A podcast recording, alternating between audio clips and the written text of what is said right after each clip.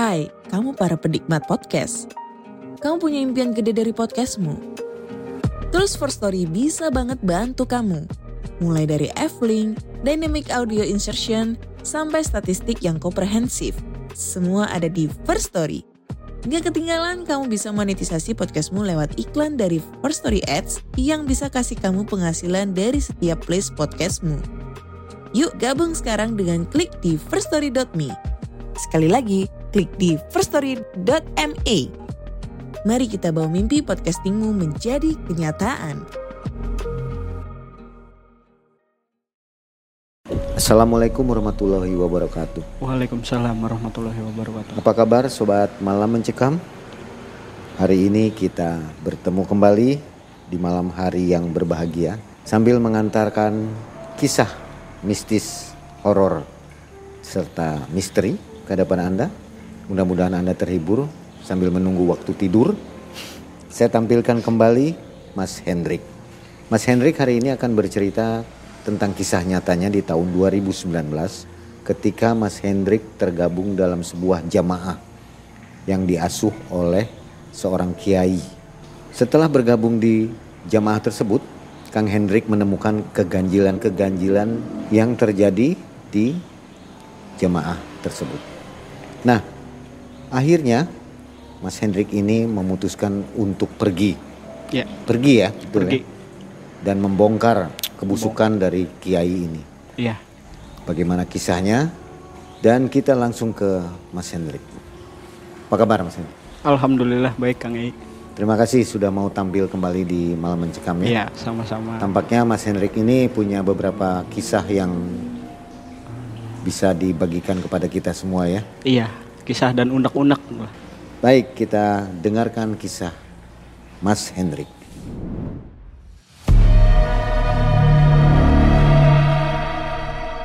Mungkin buat yang udah nonton video saya sebelumnya, eh, itu kan pernah dikupas tuh di situ. Masalah waktu dulu saya kena santet dari teman saya, banyak suatu musibah yang terjadi dengan keluarga saya. Dari situ kejadian tersebut banyak yang bilang, banyak yang mengarahkan, coba coba cari eh, guru spiritual buat kamu sendiri biar bisa membackup biar kamu bisa lebih belajar dekat dengan agamamu.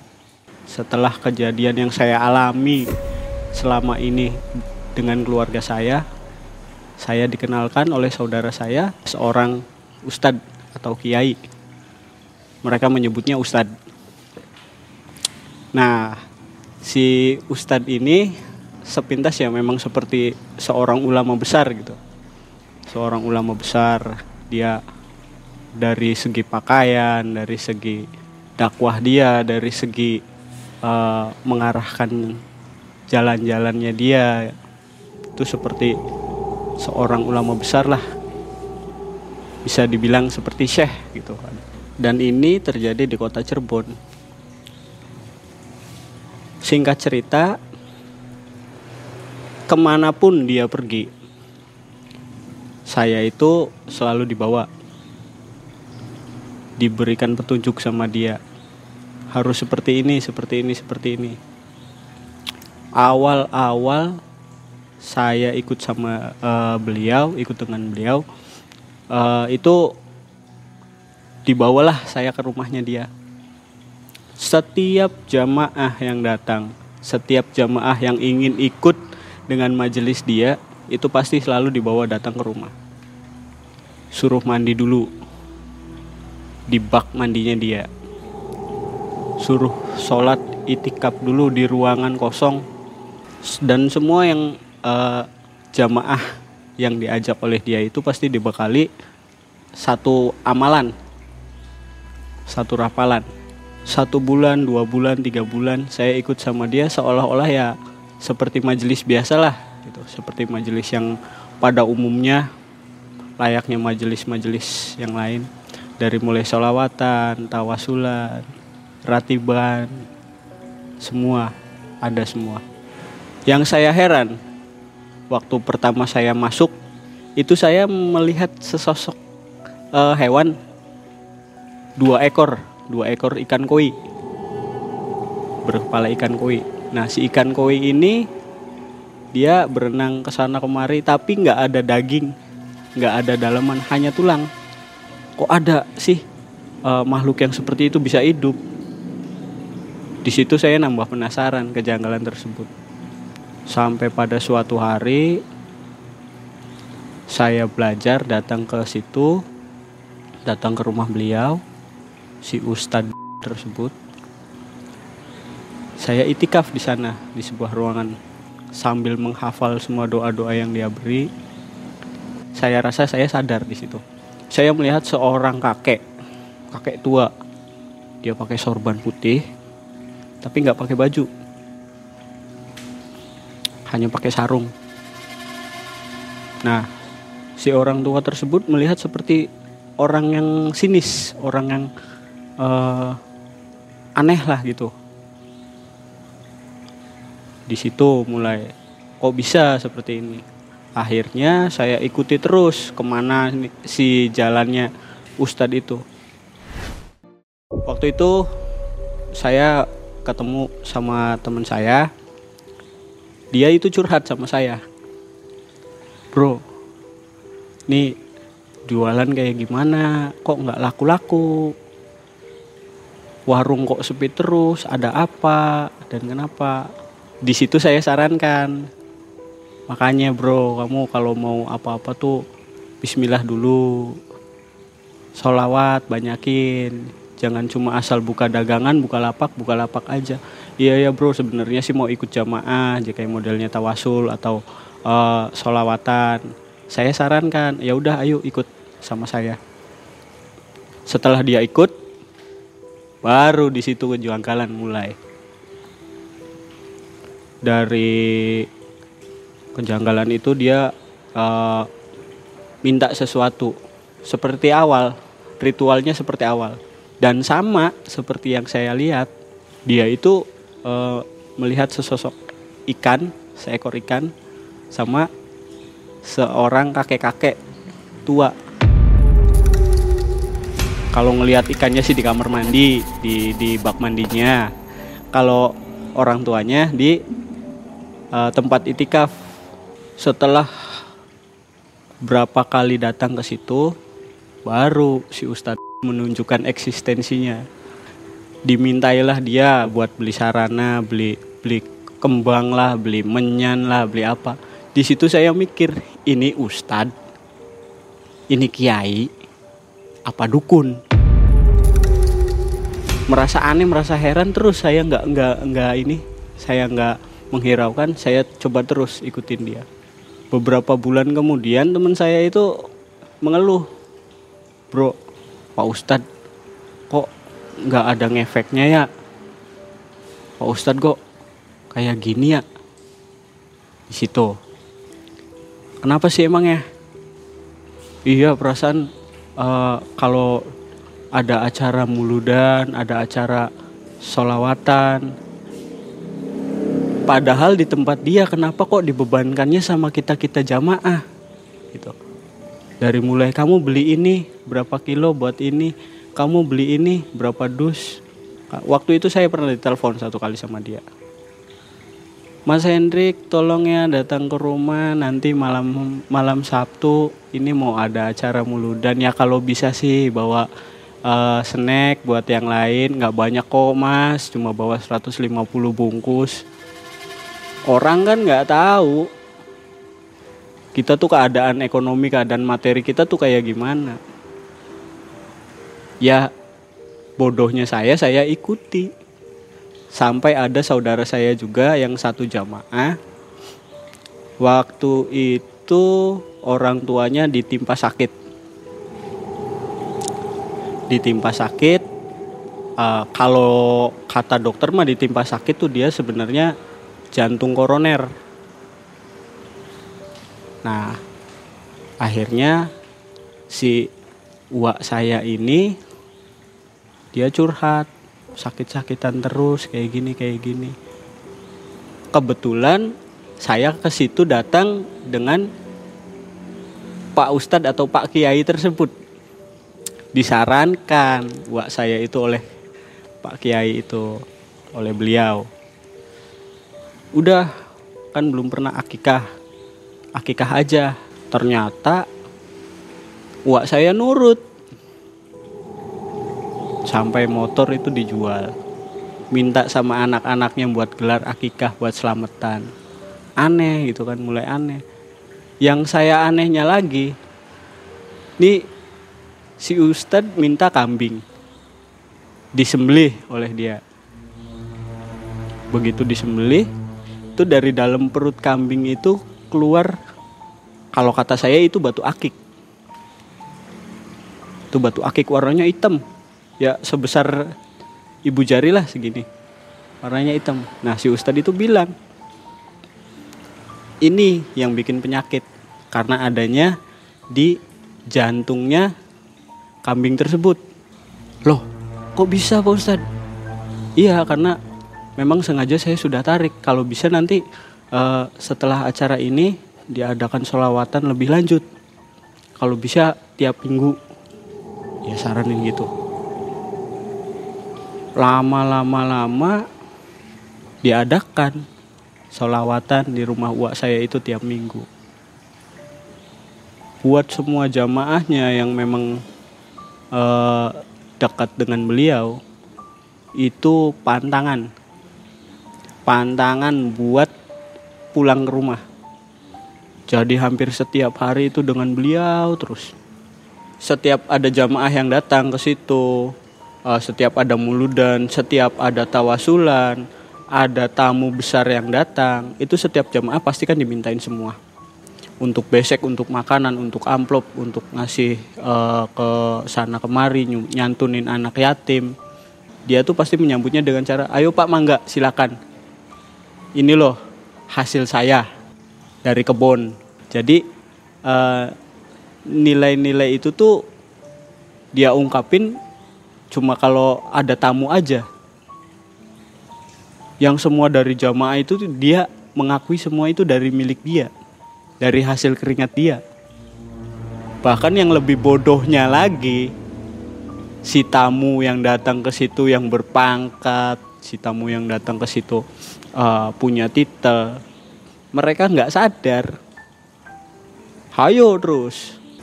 Sampai pada suatu hari waktu itu karena sudah lamanya saya ikut dengan beliau hampir dua tahun saya ikut dengan beliau. Dua tahun itu juga saya jarang interaksi dengan istri dan anak saya di rumah. Saya jarang interaksi dengan keluarga saya. Terus-terusan saya ngikutin si guru tersebut. Mungkin saking lamanya istri saya juga udah kesel karena punya suami nggak mungkin ditinggal-tinggal terus sama suami nggak pernah stay di rumah waktu itu kondisi di rumah juga lagi semrawut acak-acakan nggak jelas karena ada satu masalah dari orang lain yang datang ke saya istri saya mulai meledak di situ. Kalau caranya kamu mau uh, belajar bener kenali dulu diri kamu kayak gimana. Kenali dulu lingkungan kamu kayak gimana. Ini kok belajar belajar belajar kayak gitu. Istri dan anak diabaikan. Siapa gurunya? Gurunya mesantren di mana? Mondok di mana? Celetuk istri saya kayak gitu. Di situ saya mulai sadar paham oh iya apa yang diomongin sama istri saya itu benar.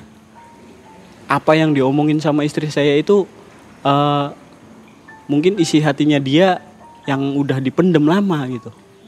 Baru bisa sekarang diungkapin. Sampai waktu itu istri saya bilang kalau kamu memang benar mau jadi imam saya kalau kamu memang benar suami saya yang dulu bangun pagi imamin saya sholat subuh. Kalau ternyata kamu nggak bisa kita cerai. Itu yang dicamkan istri saya. Di situ pikiran saya terbuka. Saya sudah salah guru. Kurang ajar. Saya dikadalin. Ternyata triknya dia itu apa yang dipakai itu semua trik sulap hipnotis untuk mencuci otak para para jamaahnya agar diakui oleh orang-orang besar, agar diakui oleh orang-orang yang berpangkat. Pernah kejadian suatu hari itu teman saya, dia punya rumah makan. Datanglah si Ustadz itu dat ke situ dengan saya itu juga makan di situ. Dia bilang, ini rumah tuh ada yang nggak bener rumah makan tuh. Ada sosok tinggi besar nutupin di depan supaya jualan kamu nggak laris. Sok coba kalau saya ke sini pasti laris. Tapi dengan syarat kalau saya ke sini harus ada rokoknya, harus ada kopinya, harus ada makannya. Wis, ini Ustadz romantis banget bos. Rokok makan gratis. Kan? Sampai dia nginep di situ dia apa? Ternyata yang dia omongin itu salah. Bukan ada yang menutupi, bukan ada sosok hitam yang apa. Malah yang lebih parah lagi, sebagai imbalan buat bebersih rumahnya dia, dia minta dibelikan uh, perhiasan lengkap dari mulai giwang, kalung, cincin untuk anaknya. Saking hebatnya itu Ustadz berarti bener-bener. Gimana orang gak kesel? Banyak trik yang dia sembunyikan dari jamaahnya. Jamaah hanya dibuat uh, menuruti dan menaati perintahnya dia jauh dari ajaran agama.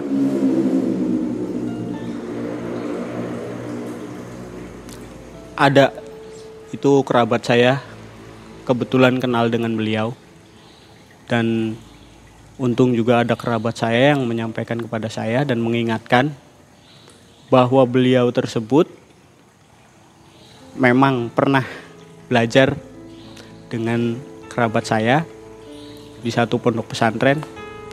Ternyata si ustadz itu bukan cuma selain bisa mencuci otak setiap ke jamaah perempuan pasti cabul pikirannya ngomongnya jorok terus. Kamu tahu nggak guru kamu guru besar kamu itu. Sebenarnya seperti apa? Dia itu pernah mau dikubur hidup-hidup karena mengintip santriwati. Gelar ustadz bos. Gelar kiai. Bisa seperti itu. Kadang-kadang saya berpikir selama ini apa sih yang dia harapkan dari jamaah-jamaahnya? Kalau toh hanya sekedar numpang hidup nggak perlu harus membodohi orang, nggak perlu harus bodohin masyarakat, nggak harus sampai bodohin petinggi-petinggi.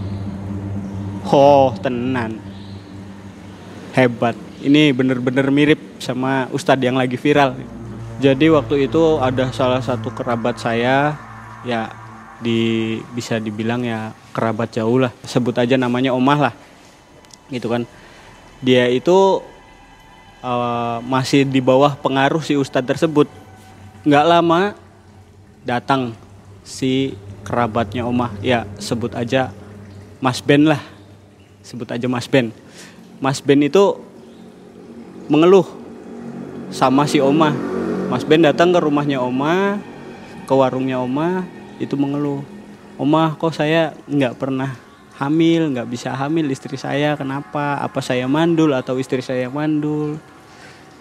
Panjang lebar lah di situ mereka berbicara, berbincang-bincang, sampai akhirnya disarankan datang ke rumah Ustadz. Setelah sampai di Ustadz, seperti biasa, ritual awal itu mandi. Di bak mandinya dia. Mandi di bak mandi berdua suami istri tersebut berdua si Mas Ben itu dengan istrinya mandi di kamar mandi yang sama di waktu yang sama kemudian mereka itikaf di ruangan itu ruangan tersebut setelah mereka itikaf setelah mereka selesai semua ritual baru di situ Ustadz melancarkan serangan-serangannya. Dimintalah seperangkat uh, emas dengan total nilai kurang lebih 24 gram. Dengan 24 gram ini yang total nilainya kurang lebih 10 juta. Si Ustadz itu menjanjikan kan bahwa nanti di awal tahun 2022 itu si Mas Ben bakalan punya momongan, bakalan punya keturunan. Yang maksudnya dengan diberikan 24 gram itu ternyata disebutkan itu sebagai mahar. Mahar untuk pancingan supaya si Mas Ben ini punya anak. Sampai akhirnya tahun ini tahun 2022 ini Januari kemarin saya masih sempat ketemu juga dengan Mas Ben dan saya tanya Mas Ben bagaimana? Apa ada hasilnya belum? Belum ada Kang. Sampai jam segini sampai hari ini belum ada tanda-tanda hamil. Saya udah dibodohin. Saya mau gimana ya Kang? Harus gimana mau nuntut saya nggak punya pasalnya? Saya bingung Kang jadinya. Setelah Mas Ben itu ngasih total total maksimalnya 24 gram kurang lebih itu 10 juta. 10 juta itu ternyata Mas Ben itu nggak nggak nggak ada hasil sama sekali. Wah saya udah nggak percaya mau kayak gimana kayak gimana saya udah nggak percaya. Ustadz bohong nggak bener ya kayak gitu. Dia bilang seperti itu di situ satu pergi. Sudah nggak percaya lagi. Dan si omahnya pun pergi.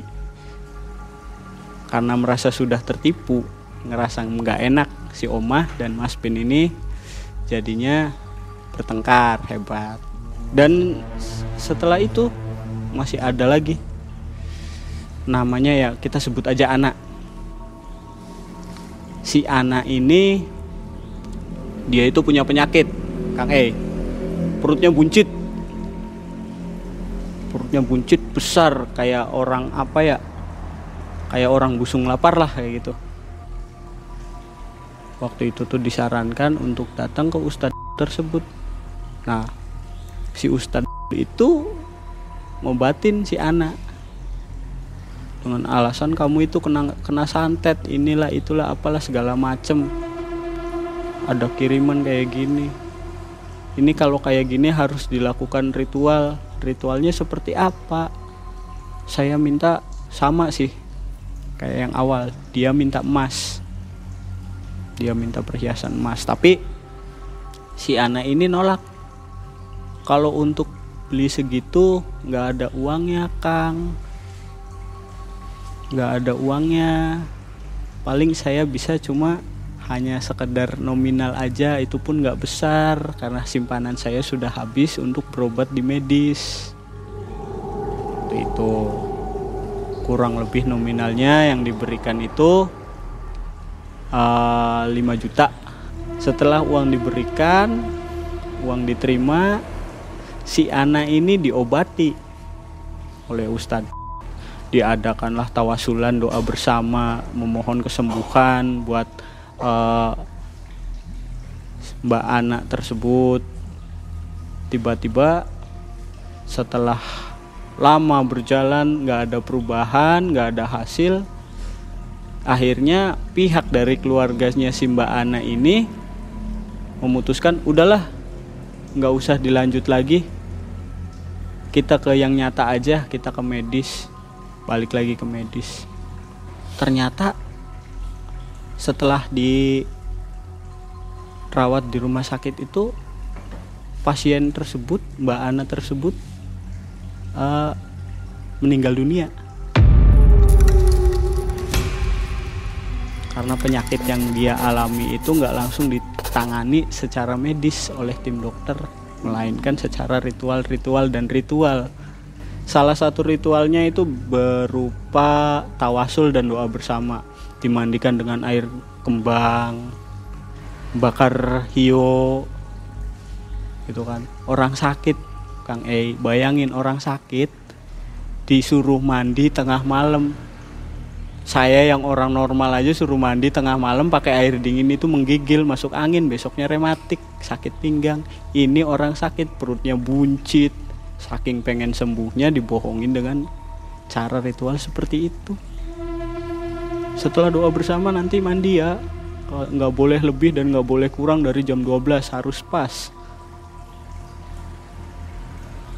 Ternyata setelah ritual berapa lama nggak ada hasil ya itu. Diperiksa oleh tim dokter. Nyawanya nggak terselamatkan. Akhirnya meninggal dunia dan akhirnya keluarga Mbak Ana tersebut meminta pertanggungjawaban. Di situ si ustadz tersebut lari nggak mau tanggung jawab loh kalau saya bahasanya dia loh kalau saya kan hanya berdoa, tetap aja yang ngasih kesembuhan itu yang di atas. Kenapa nggak berdoa itu dibarengin dengan medis? Harusnya kalau orang yang ngerti, saya dari sini doa, sok silakan Anda ke sana medis. Kita doa bareng-bareng, oke doa bareng-bareng. Tapi tetap aja namanya orang sakit pasti larinya ke medis. Jadi berkelit. Akhirnya setelah berkelit dengan keluarga, keluarga ya udahlah terserah aja saya sih udah ikhlas kalau memang jalannya harus seperti itu. Bukan rezeki dari saya. Rezeki datangnya dari Allah. Ada lagi? Ya kita sebut aja namanya Beni masih di tahun yang sama juga. Nah si Beni ini dia itu kerja di sebuah pengelolaan uang lah berupa koperasi. Otomatis kan yang punya koperasi megang uang gitu kan. Akhirnya yang punya koperasi ini dia itu pernah curhat dengan teman saya. Dia itu mau apa namanya uh, supaya penagihannya lancar terus supaya usahanya dia nggak nggak nggak surut nggak gampang surut akhirnya disarankanlah oleh ustadz tersebut supaya mengadakan uh, tawasul tawasul setiap malam Sabtu. Nah, di situ mulai si Benny ini dia menunjukkan gelagat yang tidak yakin. Diminta hari pertama 500 ribu untuk sarana untuk uh, acara tawasul apa segala macam. Tapi kenyataannya setelah dikerjakan eh, uh, satu kali nggak ada hasil. Dia cuma buang-buang uang percuma. Itu dalam jangka waktu lima kali pertemuan lima kali pertemuan. Ya bayangin aja 500 kali lima kali. Dua juta setengah. Dua juta setengah aja udah melayang. Nggak tahu uangnya dimakan ke mana sama dia. Dibodohin di situ akhirnya si teman saya itu si Benny itu mengeluh wah nggak bener kayak gini sih cuma makan uangnya doang. Lagi-lagi masalah uang ternyata. Akhirnya di situ saya dan teman-teman yang sudah keluar satu persatu itu mencari tahu sebenarnya siapa? Siapa sih guru yang selama ini kita itu anggap sebagai guru besar? Siapa sih guru yang dulu kita anggap wah paling hebat paling jago dengan agamanya? Kita selidiki semua dari mulai di mana dulu dia pesantren di mana dulu dia uh, belajar agama di mana dulu dia belajar kitab. Ternyata si guru besar tersebut uh, adalah satu lulusan pondok pesantren yang saya sengaja tidak sebutkan namanya. Dia itu dulunya cuma tukang mancing kerjaannya cuma gembala kambing dulu punya istri dua yang satu minta cerai karena nggak bisa menafkahi yang satu nerima cuma karena udah kepalang punya anak. Di situlah kebobrokan semua dibuka. Dan akhirnya teman-teman saya dan termasuk saya sendiri mulai berpikir ini hebat banget belajar hipnotisnya. Kalau diakuin memang dia nggak punya basic goib dia bisa punya basic goib punya bisa disebut basic goibnya apa? Karena bayangin aja di dalam bak kamar mandi buat ritual mandi setiap jamaah baru itu pasti ada sosok ikan eh, dua ekor kalau nggak salah ikan koi yang renang-renang di, di bak mandi itu tapi nggak ada nggak ada ininya nggak ada dagingnya. Cuma tulang ikan yang bisa berenang di kolam tapi nggak ada badannya seperti ikan siluman gitu. Dan eh, kalau dibilang dia hipnotis mungkin dia hipnotis. Karena dia bisa memanipulasi keadaan bisa memanipulasi pikiran orang yang tadinya berontak jadi luluh yang tadinya luluh jadi luluh banget. Permainan triknya juga hebat dari mulai menjembunyikan pusaka-pusaka di dalam tangan sampai ditarik keluar ditunjukkan kepada korban.